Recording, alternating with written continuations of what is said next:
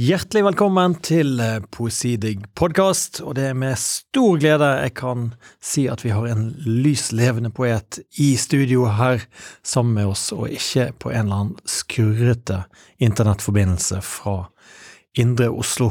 Um, vi har eh, med oss en poet som har prestert noe som er gjort kanskje for første gang i norsk litteraturhistorie, nemlig å få både Tarjei Vesaas debutantpris og Kritikerprisen i samme slengen for sin debut Jeg vil våkne til verden.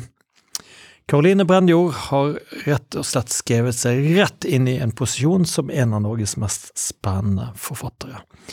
Hun har eh, Vi skal komme inn på bakgrunnen hennes, men hun har eh, to år på Skrivekunstakademiet her i Bergen. Og det er en stor glede å ha deg tilbake i byen, Karoline. Hjertelig velkommen. Takk. Gøy å være her. Ja, eh, og har du lyst til å rett og slett begynne denne stunden med å lese fra, fra boken? Mm. Jeg må lære mine døde å oppføre seg. Om mine døde dro med vinden, ville det vært vakkert. Om mine døde rullet med bølgene, ville jeg fått ro i sjela.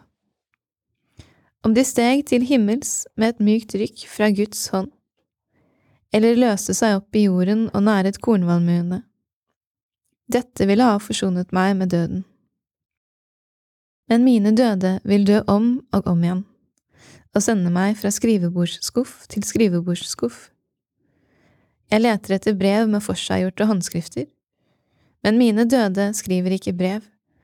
Mine døde klatrer på en stol og legger løkkene sirlig om halsen. Mor. I skogen ropte vi navnet ditt i stykker. Du hadde forlatt det, og alle oss som likte å ha navnet ditt i munnen og kalle til oss et kjærlig menneske. Vi ropte navnet ditt mellom trærne. Gang på gang klang det alene i luften og brast, for du var død, og heller ikke dyrene tok navnet ditt imot. Vi fant deg på skaren og så ansiktet ditt vi fortsatte å rope til det begynte å snø, og navnet ditt var aske i munnen.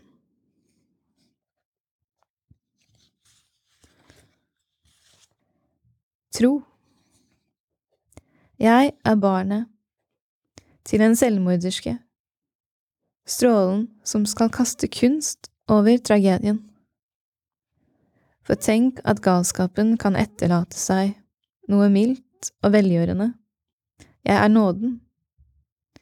Jeg sørger og fortviler med ynde, med mykt hår duvende nedover skuldrene, så ikke vanvidde skal ta meg også, så ingen skal se meg i gata med flagrende hår på en vindstille dag.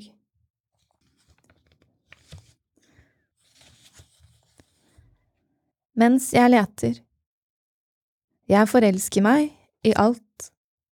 Dører, vinduer, vide himler, sletter, sår, havgap, måker, vårvinder, en langsom vals i dur.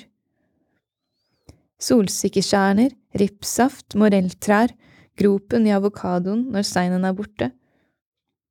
En boble seilende i vannskorpa, en brygge, et bål, en jolle, et mønstret sykkelspor i asfalten, en motorvei i daggry og kalver som lærer å løpe. Jeg vil hjem til et ansikt. Takk for den eh, lesningen, eh, Karoline. Um, før vi går videre, så, så, lurer jeg på om du kan fortelle litt med egne ord hva som er grunnfortellingen i denne, denne boken. Det er jo en, en, sterk lesning for mange, og meg inkludert. Jeg kjente at jeg måtte ty til lommetørkle flere ganger, eh, faktisk, når jeg satt og leste det. Vil du, vil du si litt om om eh, denne Om boka? Ja. Ja, uh, ja tyngdepunktet i, i, boka er et mors selvmord. Mm. Og det er ikke Det er ikke helt biografisk, men det er ikke ubiografisk heller. jeg har en biologisk mor som jeg ikke har møtt siden jeg ble adoptert da jeg var nyfødt. Eh, men det er I mitt liv så er det på en måte hun jeg kjenner som eh, Eller kjenner til, som har tatt livet sitt. Eh, så mange av diktene kommer Eller noen av diktene kommer derfra. Men ikke alle. Jeg har på en måte skrevet dikt i andre settinger og i andre noen, Et dikt skrev jeg når jeg leste Kristin Lavransdatter, og det var noe som døde der. Eh, og så siden jeg både var i den verden, da, at eh, boka begynte å gå i den retningen, så skrev jeg liksom et dikt derfra. Var det klart helt fra starten på en måte at det var denne morens selvmord som skulle, som skulle, skulle være Nei. dreiepunktet? Nei, nei. Eh, jeg ville egentlig eh, så mine planer var på en måte alt annet enn å lage en sånn liten, smal bok eh, om et sånn eh, personlig drama, eller ja. Ja, nei, både så ville jeg liksom Jeg ville lage en tjukk bok, for liksom eh, Mm. sånn man eh, kan jo få noen ganger inntrykk av sånne poesisamlinger at eh, forfatteren akkurat klarte å skrape sammen nok ting til å forsvare Ja. en utgivelse. Men så jeg tenkte sånn 40 her sider det- for å komme med på innkjøpsordningen. Ja. Ja. Så jeg tenkte sånn, jeg skal liksom bare man skal se på boka at her bugner det og masse kraft og overskudd. Og, eh, så det var én ting. Og så ville jeg at den skulle ha mye mer sånn politisk tilsnitt, eller om den ikke var liksom tydelig, hadde tydelig politisk ståsted, at den skulle være en slags eh, eh, skulle behandle samtiden, da, eller kaste et eh, originalt og klart blikk på liksom eh, hva som skjer i, i den globaliserte samtiden. Og, ja. Det var voldsomme, voldsomme ambisjoner. da. Ja, eh, for det, det var det jeg skrev. Jeg kom jo fra, før jeg begynte å skrive, eller da jeg begynte å skrive, så studerte jeg sosialantropologi. Ja. Så det kom jo egentlig derfra, tror jeg. Eller jeg har jo alltid Siden jeg var, var ung, så har jeg liksom vært veldig sånn Jeg har liksom villet gått inn i et yrke hvor det er veldig sånn tydelig at man gjør noe samfunnsnyttig, da. ja. Så det er ikke så lett å, å da forsvare mentalt at man Sosialantropolog er vel eh, kanskje ikke en av primæryrkene i, i samfunnet. Heller, kanskje.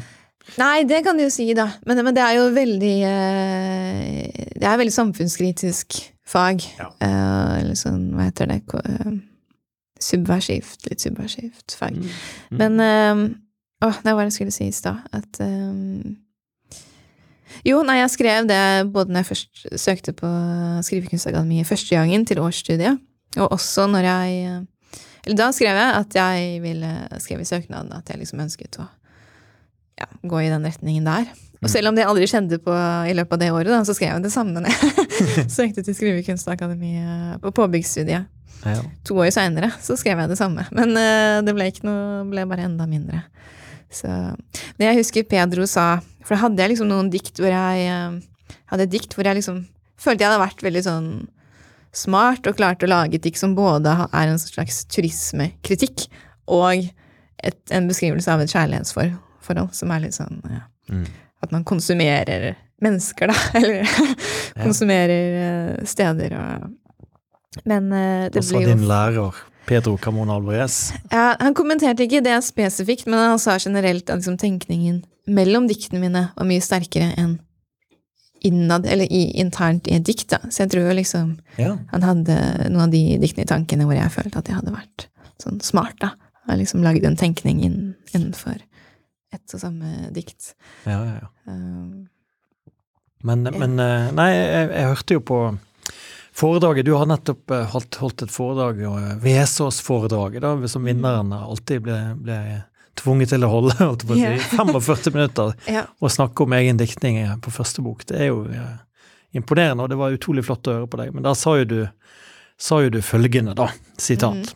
Manuskriptet inneholdt dikt om å forme tyggisen til en jordklode, et dikt om en mann som spiller xylofon på arbeidsplassen, dikt om Valmart og cowboyer, om stirrende ugler som sitter i tekoppen, om en tryllekunstner, dikt om bestefaren min, et dikt om å strikke en ullgenser til Gud, et sosiologisk inspirert dikt om turisme og et dikt om tonen hos kommersielle aktører, kalt logaritme jovial. Dette var altså manuskriptet sånn det begynte, det som skulle bli da Jeg vil våkne til verden. Ja, ja, så det er jo ikke helt opplagt eh, at det begynte der. Nei, altså, ja, for det var liksom den samfunnsvendingen liksom, som jeg ville ha, men så tenkte jeg også nei, jeg skal også være en sånn livlig, livlig, morsom, uhøytidelig poet som eh, ja, med sånn skråblikk og underfundig og Mm. eh, Ja, så var på en måte alle jeg liksom var innom veldig mange ulike ting jeg ville skrive om, men ikke Jo, så det var jo noen dikt om, eh, om en mor, da, men det var på en måte ikke Jeg hadde liksom ikke vektet de noe tyngre enn andre dikt. Nei. Jeg trodde For når jeg send, først sendte et manuskript til eh, redaktøren min, så Det var fordi han kontaktet meg, da, så skrapte jeg bare sammen, eller jeg liksom samlet det jeg hadde som jeg tenkte var det beste. Mm. Eh, og så sa han at eh, man trenger jo ikke ha en rød tråd i diktsamlinger, selv om det er blitt veldig vanlig, da. Eh, At man skal ha en tematisk samling. Så tok jeg han litt for mye på ordet. For han hadde jo for eksempel, eh, tror jeg, Anne Helene Guddal i tankene. Den er jo, kan jo minne litt på min, i at den er litt sånn løs og skrevet i litt ulike modus. Noe er litt sånn aforisme, og noe er prosa, og noe Ja. Så jeg hadde nok mer det i tankene enn at jeg bare skulle ta Plukke Lage ting fra. Ja. Ja. Mm. Um, ja, nei, så det um, Da jeg begynte på påbygg, så hadde jeg med et manuskript på 75 sider, da, som var alt det her eh, Alle hum, hummeren og kanarien. Eh, Påbygg det er det andre året på Ja. Der du hadde lærerne Pedro Camon Alvarez og Gunnar Wærnes. To Ja. poeter som har vært også gjester eh, her. Mm. Ja. Eh, så det, det var et eh, fantastisk år, virkelig. Eh, Mm. Og jeg Ja, jeg tror ikke jeg hadde liksom kommet til, eh, til den boka jeg har skrevet nå, om det ikke hadde vært for det året. Eh, da ble jeg satt nesten litt på plass, det følte jeg, av Gunnar Wærnes, som eh, Ja, som mente at jeg liksom måtte ta skrivingen på, på alvor, da, eller min egen skriving. og skrive. Hvordan var det han mente at du ikke tok den på alvor? Du gikk jo på Skrivekunstakademiet, du produserte masse. Ja. ja, jeg håper ikke jeg, jeg eh, feilfremstiller Gunnar, men Nei, men det var jo det at jeg liksom skrev Jeg skrev på en måte ikke om noe veldig viktig, da. Jeg skrev litt mer sånn underholdende og litt sånn fikst og kanskje smart, men ikke Gikk liksom ikke inn til noen spesiell kjerne. Mm. Og det tenkte jeg nok heller ikke at jeg skulle, altså, for når jeg begynte å skrive, det var jo et rent um, sånn overskuddsting i livet, som på en måte kom inn fra sidelinja, da, siden jeg egentlig tenkte jeg skulle bli akademiker, og så Kom- Kom det inn sent? Altså, eller er du sånn som har skrevet siden du var, du var bitte liten, holdt jeg på å si? Ja, nei, jeg vil si det kom inn sent. Eh, I hvert fall det med at, at jeg kunne Fikk lyst til å gi ut en bok. Eh, jeg skrev jo litt som barn, men det var jo ikke på den måten i det hele tatt. Jeg skrev sånne sanger som er sendt inn til julemorgen, vet ikke. Oi! ja, eh, ble, Kom, det, ja. kom det med på julemorgen? Nei, det gjorde ikke det. Ah. Det var sånne rimebonanzaer hvor det bare var om å gjøre å få inn flest mulig rim. Eh, mm. Nei, men, men så eh, Jeg skrev også noen noveller. Men det var på en måte ikke mitt modus, for de var veldig sånn eh, De var veldig sånn dialogbaserte eller tanketunge. Så det var liksom egentlig litt mer sånn å få en sånn eh, samfunnsperspektiv i en novelle, da. Eh, Ja. Det var liksom veldig lite handling. Det var Det er litt Det var egentlig essay, på en måte, eller et, et innlegg. Ja, kanskje. Det var veldig sånn snus eh, Kanskje ikke snusfornuftig, da, men jeg, jeg.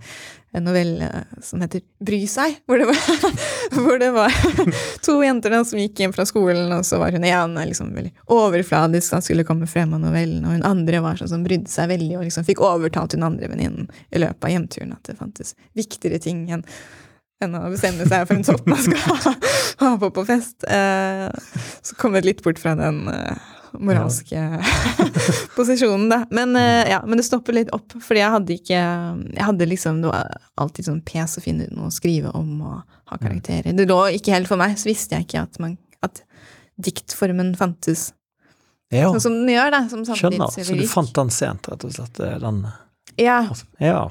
Så da Det var i 20 år, da. 20 år, da. 20. Ja. Mm. Men, men når du har dette enorme materialet som du har beskrevet før, at, eh, hvem, hvem er det som da sirkler inn denne moren, på en måte? Hvem er det som først liksom sier at 'dette er boken din'? ja. Er det noen av de lærerne, eller er det, eller er det du sjøl som plutselig som begynner å merke det, eller? Mm, en slags mellomting. Em, for jeg fikk jo Det var veldig gjennomgående på det påbyggstudiet. Eh, at både lærerne og de andre elevene trakk frem diktene om moren Mm. som de sterke, så var det jo Det var ikke det at de sa jeg skulle gå den veien, men jeg var litt sånn pragmatisk og tenkte ok, hvis det er de beste diktene, så må jeg i hvert fall ha med dem. Ja, ja, ja. Eh, og kanskje Mm. gå litt den veien. Men fortsatt så var det Prøvde jeg å ha litt mer forskjellig. Men eh, så skjønte jeg at det var en som leste manuset på et tidspunkt, og han ble veldig forvirret av at han først leste et dikt om selvmord, og så etterpå så leste han et dikt om forelskelse. For han, da var han jo allerede i den Mm. i det tunge Ja, Det er jo noe med de temaene der som på en måte får en sånn altoverskyggende kraft, på en måte. Eller, eller Ja. alt annet blekner, på en måte. Det, det blir blir jo gjerne sånn. Ja. Nesten slags sånn diva-tematikk, eller sånn de vil. eh, Kanskje litt flåsete å si det, men Ja, ja, ja. Men, men var dette noe du også gikk og surret og tenkte på, på en måte? Altså denne, denne personlige historien? Altså på den, på den tiden? Altså var det, var, det, var det noe som preget deg i, i ditt liv, på en måte, som også måtte ut? Jeg tenker ikke det, eller jeg koblet i hvert fall ikke til skrivingen. Altså noen av de første diktene, og som fortsatt er, eller noen Det diktet jeg leste i stad, Tro, det blir jo Mm. sitert av alle som. Siterer noe fra boka. Og det, det skrev Det var et av de første diktene jeg skrev. Men da var det mye tettere på den opplevelsen av å bli kjent med mitt biologiske opphav, da. Um, men så gikk det jo Det var, et, det var jo flere år etterpå at jeg begynte på påbyggsstudiet, og Nei jeg, nei, jeg kan liksom ikke huske at det tok nok stor plass i meg, men uten at jeg egentlig visste det, kanskje, eller at det var litt sånn demmet opp. Men jeg Mm. eh, Det er merkelig eh, hvordan ting kommer frem i Ofte kommer frem i skrift, eh, Ja. enten man vil eller ikke. eh, ja. Mm. Så det, jeg kan jo eh, relatere. Jeg mistet jo min far eh, tidlig, og, og Ja. kjente veldig lite på den. Kjente veldig lite sorg, rett og Mm. slett. Men, men så Så når jeg begynte å skrive, så var det bare det jeg skrev om, på en måte. Selv om jeg aldri tenkte Ja. på det. ja. Så, så det var på en måte. Det var der det fikk plass, Ja. på en eller annen måte. Jeg vet ikke. Kanskje det, kanskje det er en lignende ja, det høres jo litt, litt sånn ut. mm. Mm. Men, eh, men, eh, men når du da blir klar over det, så blir vel også det fryktelig mye som må sjaltes ut. Altså som, som blir helt perifert. da. Altså at det plasserer veldig mye ganske eller, men, men, men, men jeg vil jo si at det som er det sterke med denne samlingen, det er jo at den, at den er jo den er sorgtung, eh, absolutt, men den er jo også lett. Den er Mm. leken, den er morsom til og med. Og den, er- den har jo alle disse andre modusene. Ja. Var det ting du hadde skrevet på for, før, liksom, som du rett og slett lot stå, eller var det ting du, som kom til? Ja, i hvert fall en del, husker jeg ikke helt, men i hvert fall en del dikt hadde jeg skrevet uh, før. Men noen kom jo også underveis. Eh, men, men da ikke liksom med tanke på at nå skriver jeg dikt til denne samlingen. Mm. Mm. Ja, nei, men det tok jo veldig lang tid før den ble såpass snevret inn mot moren og selvmordet, har jeg vært innom. Og så etter jeg begynte å ta litt den retningen, da, eh, så kom det jo veldig mye annet til. På et tidspunkt så var det en kongefamilie inni diktsamlingen. Hei sann. Ja, det, da var det fire avdelinger, så var det en som var litt sånn, som kanskje minner mest om boka, da, som var litt sånn natur og litt mor. Mm. så var det en egen avdeling om bare skogen, eh, som var på sånn 60 sider. Ja. Eh, og så en uh, liten sånn havsekvens, og så var det en eventyravdeling hvor en sånn kongefamilie da hadde en lengre sekvens. Um, men det var da, da jeg fikk høre at hvis du fortsetter sånn, så tar det 12 til 14 år eh, å gjøre ferdig boka. ja. Så da gjorde jeg eh, Da var jeg veldig pragmatisk og luket bort det aller meste. Og så flyttet jeg litt fra de ulike avdelingene inn i boka, da. Ja, så det er jo litt fra den eventyravdelingen. Det er jo eksempel der barn, fugler og hemmeligheter. Kan du kanskje lese det etterpå, da. Og, ja. eh, Mm. Kanskje du kan lese det nå? ja, det kan jeg. Ja. Mm. Skal vi se. Barn, fugler og hemmeligheter.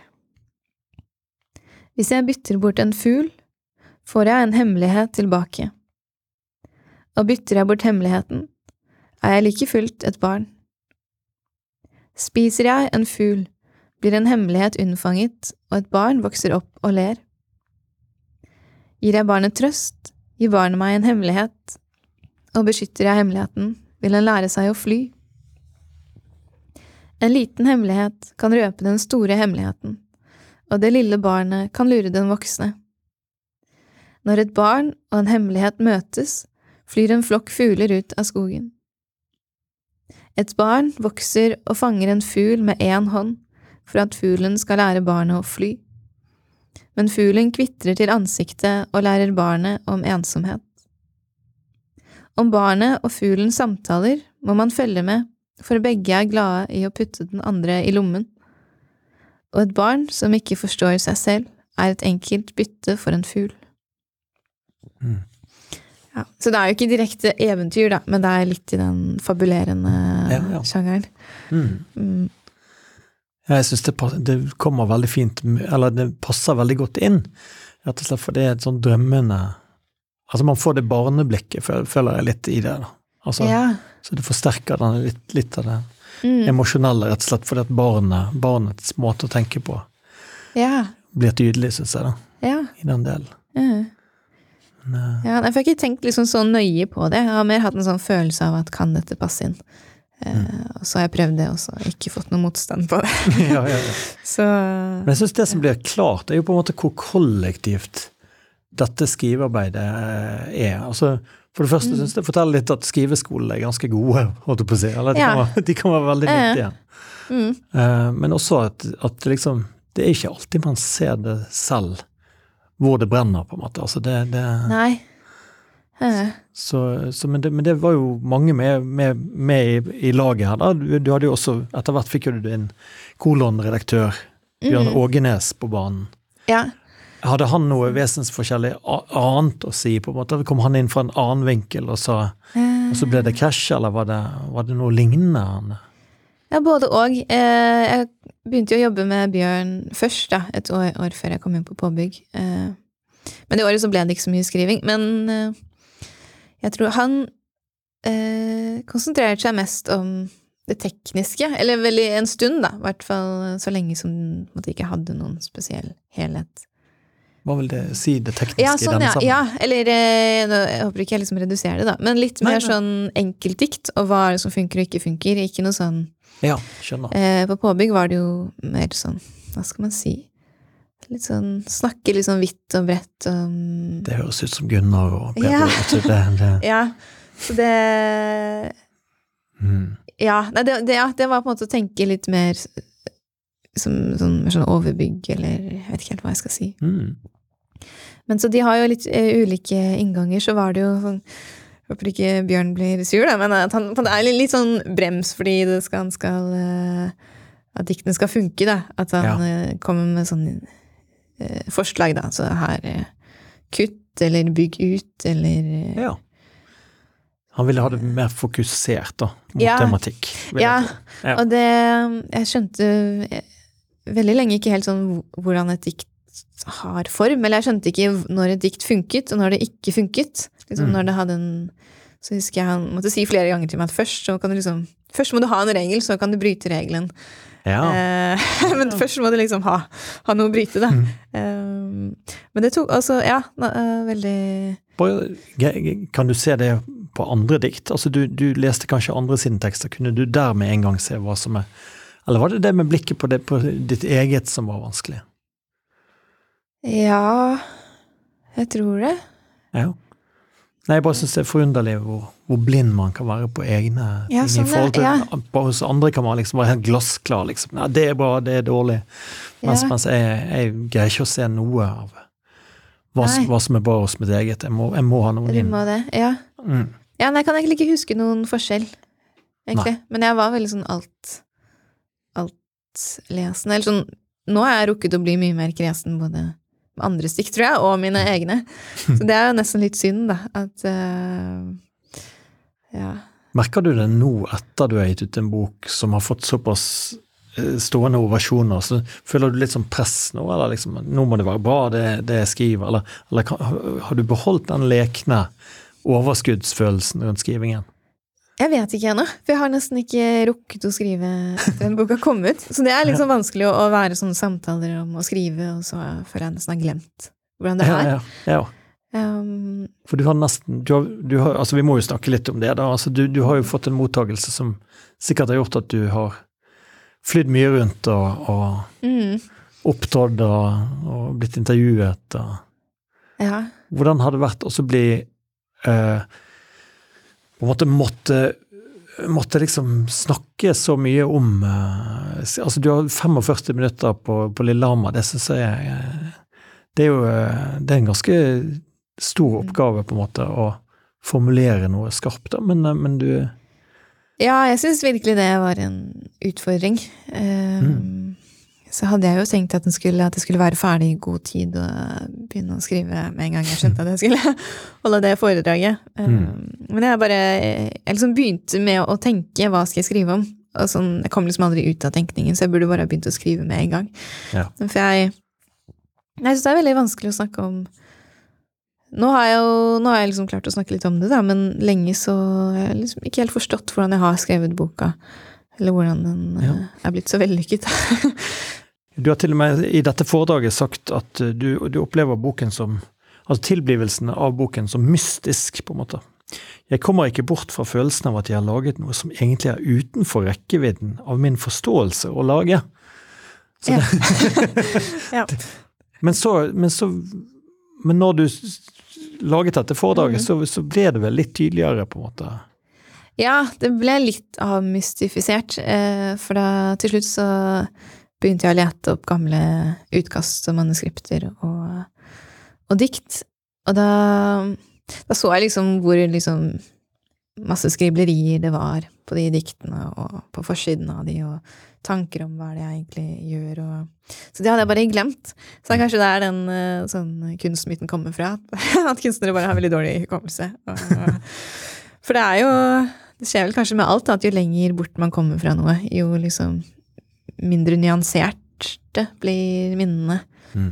For det har jo vært eh, eh, Ja, i tiden som har gått siden jeg ga ut boka, så så har det på en måte nesten blitt sånn vanskeligere og vanskeligere å forstå hvordan den Eller når jeg ser tilbake på det, så har det liksom virket lettere og lettere å skrive den boka. Mm. Eh, fordi jeg liksom glemmer alt slitet, da. Eh, Ja. men, men det var litt fint å, å vite da, at jeg hadde liksom vært bevisst. Men det kan jo føles som om at jeg har liksom vært bevisst i det små, at jeg har tenkt hvordan skal dette diktet funke?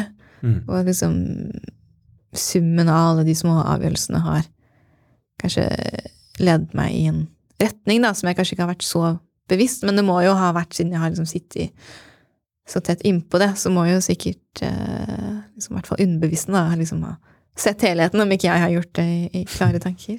Ja. Jeg tenker på det litt som å Jeg har liksom hørt at hvis man vil ha kontakt eller med underbevisstheten, at man kan skrive med venstrehånda hvis man er høyrehendt, fordi da må man konsentrere seg så mye om bare liksom den kognisjonen da, med å forme bokstaver med, Ja. med venstrehånda, at man ikke kan uh, sile ut eh, Ja. Være så kritisk. Da har man ikke kapasitet til det.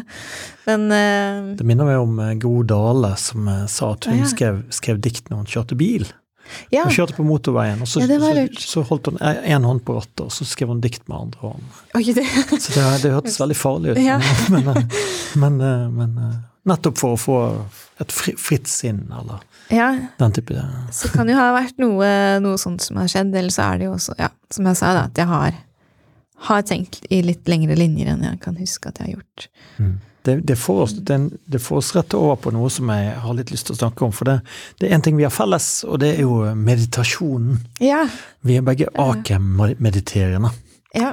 Eh, så den, det er en form, en enkel mantra-meditasjon, altså gjentagelse av en lyd. Mm. Og dette har du holdt på med i, i mange år, har ikke du? Ja, Nå er det tre. Ja. Ja.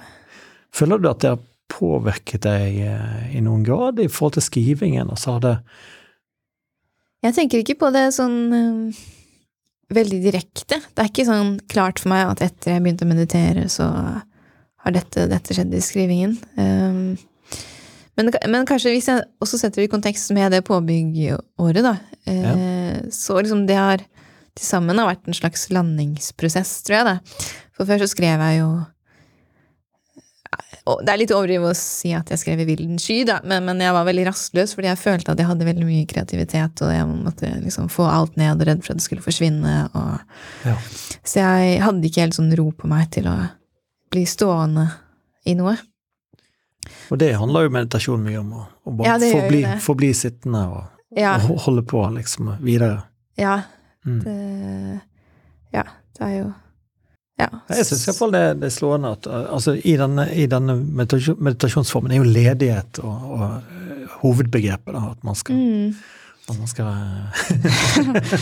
og, og jeg syns at det, det er en ledighet i den boken. da, Selv om det er et tungt tema, så er den, den liksom Mm. en den tør å hvile i det den er hele veien. på en måte. Hvis den Ja. vil inn i en skog og drømme litt, så gjør den det. på en måte. Altså, den aksepterer Ja, sånn, at ja. sorgen så mange ting. altså at den, ja.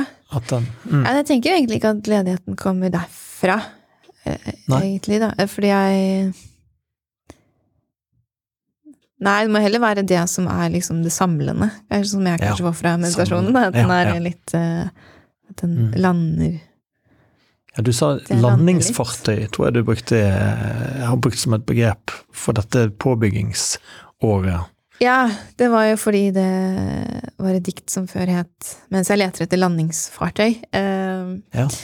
Så da prøvde jeg å være litt sånn fiks igjen, da, og, og si at, uh, at eh, påbyggsåret har vært et landingsfartøy. Og, og samarbeide med redaktøren min. Og, Mm. ja. og så syns jeg jo ser det i innholdet i boka òg, at det At før så var det flere ting som måtte var i luften, sånn rent At det var liksom mer sånn fall, eh, og enda mer, og det at det var mer abstrakt. Det tenker jeg også på som en eh, en sånn luftig ting, da, som kanskje at man skriver abstrakt fordi man ikke helt er i kontakt med eh, Mm. Ja, det kan liksom dekke litt over. Men det, det handler sikkert også om at jeg kan komme fra ja, fra antropologi, da, hvor man s- hvor det er liksom mye idétenkning, eller kom fra akademia i det hele tatt.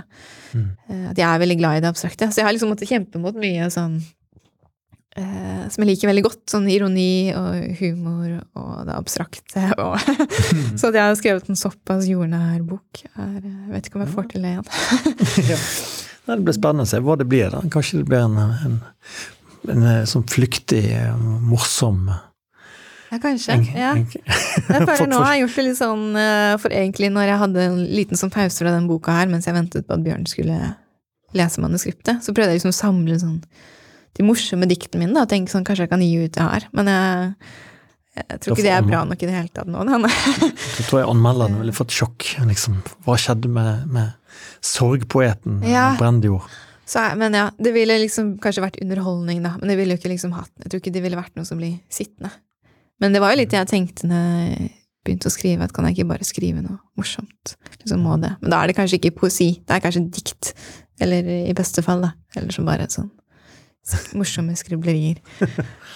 Um, men altså denne, her, denne fasen den var jo ganske lang da, inn mot bok. Altså det var jo Mm. der, der du ble altså Du beskriver du blir begrenset, på en måte. Altså nå, nå må du slutte, slutte å, Ja. å finne på et nye ting. Nå må du Mm. samle deg om det du har. Og, og. Mm. Men hvordan var det å være inne i den eh, tilstanden av, av, av at noen liksom eh, altså, Eller at du sjøl begrenset deg, eller, eller Altså Det høres jo ut som at det var litt mot ditt lynne, da. Eh, Ja, for jeg tenkte jo litt ved at jeg valgte å gå for skrivingen istedenfor akademia, da, da fikk jeg friheten. Men eh, det føltes jo ut som at nei, nå møter jeg disse rammene her også. Eh, Så jeg Du har brukt ordet vingeklippet. Ja. Såpass dramatisk. ja. ja, men jeg tror, jeg tror ikke egentlig det er å overdrive. Jeg husker i hvert fall at jeg følte meg så mindre entusiastisk, og det var på en måte som å gå til et vanlig arbeid, da. Ja. Men da var alt der, eller, eller kom det nye ting til, eller altså det høres, var det bare sånn at du skulle samle det du hadde og skjerpe det, eller? Ja, begynte jo først med å bare bearbeide det jeg hadde. eh, Den siste tida på påbyggsstudiet. Og så, så sa jo egentlig, var responsen på siste samling at nå er det nesten ferdig, nå er det liksom bare liksom presisjonsarbeid igjen. Ja. Eh, Men så hadde jeg levert et manuskript litt som før jeg leverte siste, siste utkast til påbygg Mm. til redaktøren min, og det var ganske Eh, det var ikke gode tilbakemeldinger på. Nei. Nei. Eh, Så nå hadde jo kanskje det vært eh, en del fremskritt mellom de to, selv om det kanskje var et par uker imellom, da. Men, Mm. men da var jo tilbakemeldingene at det fortsatt er mye igjen, og så begynte jeg å Ofte når jeg jobber, så i hvert fall når jeg har liksom kommet ut i det, så begynner jeg veldig ofte med å bare åpne et nytt dokument, og så tenker jeg nå flytter jeg bare over de aller beste diktene fra det gamle. Eh, og så blir jeg liksom sånn mer sjenerøs utover i den prosessen, da. Snart så er alle diktene med igjen. Men, eh, men da, det har på en måte hjulpet meg å tenke, for da limer jeg det inn, og så må jeg alltid liksom tenke sånn ok, hvor skal jeg sette dette i forhold til det jeg satt i stad, og da får man kanskje Mm. hele tiden tenkt over helheten og Ja. Så følte jeg vel Men da, i den for det kom jo mange dikt Altså egentlig flesteparten av diktene er kommet til i den perioden som egentlig føltes mer da, som bare sånn nøkternt redigeringsarbeid. Så som vingeklippet så skrev du rett og slett ja, og jeg, masse? ja. Eh, men det er jo litt eh, For jeg jobbet jo mye med, med redigeringen, men jeg var også veldig sånn Når jeg gikk fra skriveloftet da, i, på Litteraturhuset i Oslo, der jeg jobber, jobbet på dagtid, så var jeg også veldig sånn prøvd i Jeg var veldig opptatt av men jeg ville jo skrive flere nye dikt, så jeg var jo også i den modusen, selv om den ikke var så eh, Hadde så mye Mm. overskudd i den. Men, eh, men ja, det siste diktet, det er eh, på fire sider, Mm. som mange syns er veldig fint. Eh, det tror jeg bare skrev en helt vanlig dag. Det er liksom fint å vite det. At jeg Ja. kunne At jeg liksom ikke måtte være i spesielt humør og, Ja. og um, være i noen sånn ekstatisk tilstand. At jeg kan skrive godt da, uten at jeg må, Ja, må oppsøke noe sånn grenseoverskridende. ja, du kan bare skrive det rett ned. Det var vel Gunnar Wærnes som kalte det for gavedikt. Gavedikt og slavedikt snakker Ja. han om. eh, De som man må liksom jobbe enormt lenge for, og så blir de bare sånn passe til slutt. Så, Ja, men jeg vil bryte opp den motsetningen. Eh, Ja. For jeg tenkte jeg hadde lyst til å kalle foredraget gavedikt, slavedikt, gavesamling, slavesamling. men eh, Nei, det ville jo blitt litt triksy, ja. Men eh, nei, for det er flere dikt som på en måte kommer litt som en gave. At de liksom kommer bare i et sånn løp. Eh, Men så, både det første og det siste, da, eh, har liksom bare kommet inn i noe og skrevet masse. Men så har det vært kjempevanskelig å rydde i de etterpå. Ja. Og uh, få de til å mm. Ja, særlig det første, for det var eh, Det var ett og et halvt side nesten i sånn Nesten i prosaform. Eh, Ja. Overdriver litt, da, Ja. men, men det var virkelig mye. Eh, og så klare å Så veldig stor jobb. Da hadde jeg jo fått energien til diktet, men liksom formen og Mm. litt mer tenkningen var hvor skal det dikte? Det måtte skje etterpå. Og det var litt vanskelig, for det var jo egentlig ute av den stemningen hvor det først ble skapt. Mm. Men også det um, jeg leste i stad mens jeg leter, hvor det er en oppra om, oppramsing av masse ting. Mm. Og så var det veldig vanskelig, fordi øh, eh, Ja, selv om det på en måte skal være litt tilfeldig, så kan det jo ikke være tilfeldig. Eller sånn Nei, nei, nei. Eh, Så har det liksom vært mange andre momenter, da, og så Mm. har tilbakemeldingen vært at det her er egentlig bare oppramsing og egentlig tomt. og, så, har jeg liksom jobbet med det, prøvd å forstå hva som skal til, da. Og så plutselig så funket det, Mm. Ja. eh, Ja, det ifølge det leseren, da. Så Vil du lese den, den avslutningen som du nevnte, rett og slett? Altså den, Ja. den, den som du sier ble skrevet rett, mer eller mindre rett ned? Ja, altså i første omgang. Men jeg har byttet ut en del, eh, del strofer, da. Eh, og så var det en sånn tilbakemelding ganske seint i prosessen om at eh, det hadde vært fint om jeg hadde like mange linjer i hver strofe. Ja. Eh, og det skulle jo eh, Det var veldig kjipt å få den tilbakemeldingen så, så seint. For jeg Ja. følte at da måtte jeg jo finne et Prøve å ja, lage et sånn bærende ting i hver strofe, og da måtte jeg jo luke ut og finne på nytt. Og, ja, Mm. Det er ikke så, så viktig, det. Men eh, ja, da kan jeg lese det. ja. Supert. Verden skjenker meg mitt arbeid og min verden. Her er et fjell, klyv over det. Her er en slette, spa den opp og dyrk korn. Her er en skog, løp mot hjertet av den. Her er et hav, del det i to. Her er din mor, grav henne ned. Her er din datter, gi henne navn. Her er din sjel, du må trøste den. Her er din sjel en flenge i kroppen. Her er din sjel en streng på en bratsj. Her er din sjel en glødende kalv. Her er et barn med en skål full av snø. Her er en latter klar som en stjerne. Her er en hund, den virrer i hagen og vender et hjerte med snuten. Her er en fugl, den er ditt lys. Her er en rev, den er din lyst, list. Her er et føll, dets blikk er din uskyld. Her er et insekt med en flamme på ryggen. Her er et gresstrå, og her er et gresstrå. Vis dem hvordan du svalner om natta. Her er en vind, og du er en streng og en snor og et bånd. Her er en vind, den er skarp som en saks, og her er en vind som drar mykt over knærne. Her er et blikk som får deg til å splintre. Her er et blikk som får deg til å falle ned i den vårligste av yrgrønne enger. Her er en ild, la den blafre ved øret, her er et øre, og her er en hare som løper om kapp til en bekk. Her er en hånd som berører en hånd. Her er en hånd som berører et tre. Her er en munn som kysser en munn. Her er en munn med en tunge av salt. Her er et ansikt innfelt i vinden. Her er et ansikt i stein som forstår. Her er en himmel som letter fra hodet. Her er et regn som forvirrer. Her er en skog som er skog som er skog. Her er en eng og en eng til uten stemme. Her er en hest i dypet av et speil som traver og traver tilbake. Her er et lam som ser deg. Her er et lam som hviler på fanget. Her er et lam som gråter. Her er et lam som slikker deg ren. Her er lammet du slaktes med, her er lammet som gir opp på bunnen av havet. Her er en datter, forsørg henne. Her er en mor, forsørg henne. Her er en mor og en datter, begrav dem. Her er et kart over hjertet, her er et kart over hjertet, snu det, få et kart over vidda. Her er et liv, slå deg løs. Her er et liv, legg det i jord, se det vokse til mange. Her er et liv, drikk det ut av en elv, her er et liv, sug det ut av et eple, her er et snøfall og et saliggjort barn. Her er en verden, den er vakker, den er vakker, og den andre siden av vakker er ond. Her er en verden, den er øm, den er øm, og den andre siden av øm er et stup. Her er en verden, den er stille, og hjernen lager en verden i verden, her er en verden, den er stille, og musikk blomstrer ut av vind etter vind.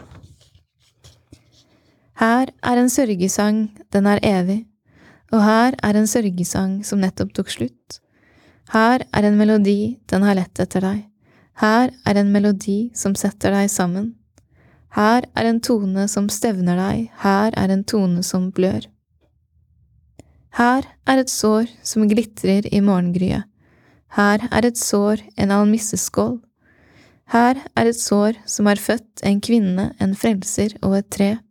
Her er et sår dekket av snø. Her er et sår renset med salt. Her er et sår, hvor skal du ellers så et frø som åpner deg mot alt? Tusen takk, Karolina, for den lesningen fra jeg vil våkne til verden. Og til lytterne der ute, ta også få tak i den og les den. Ehm, da er vi kommet eh, til slutten. Det var en fornøyelse å møte deg og ha deg her i studio. Takk, det samme.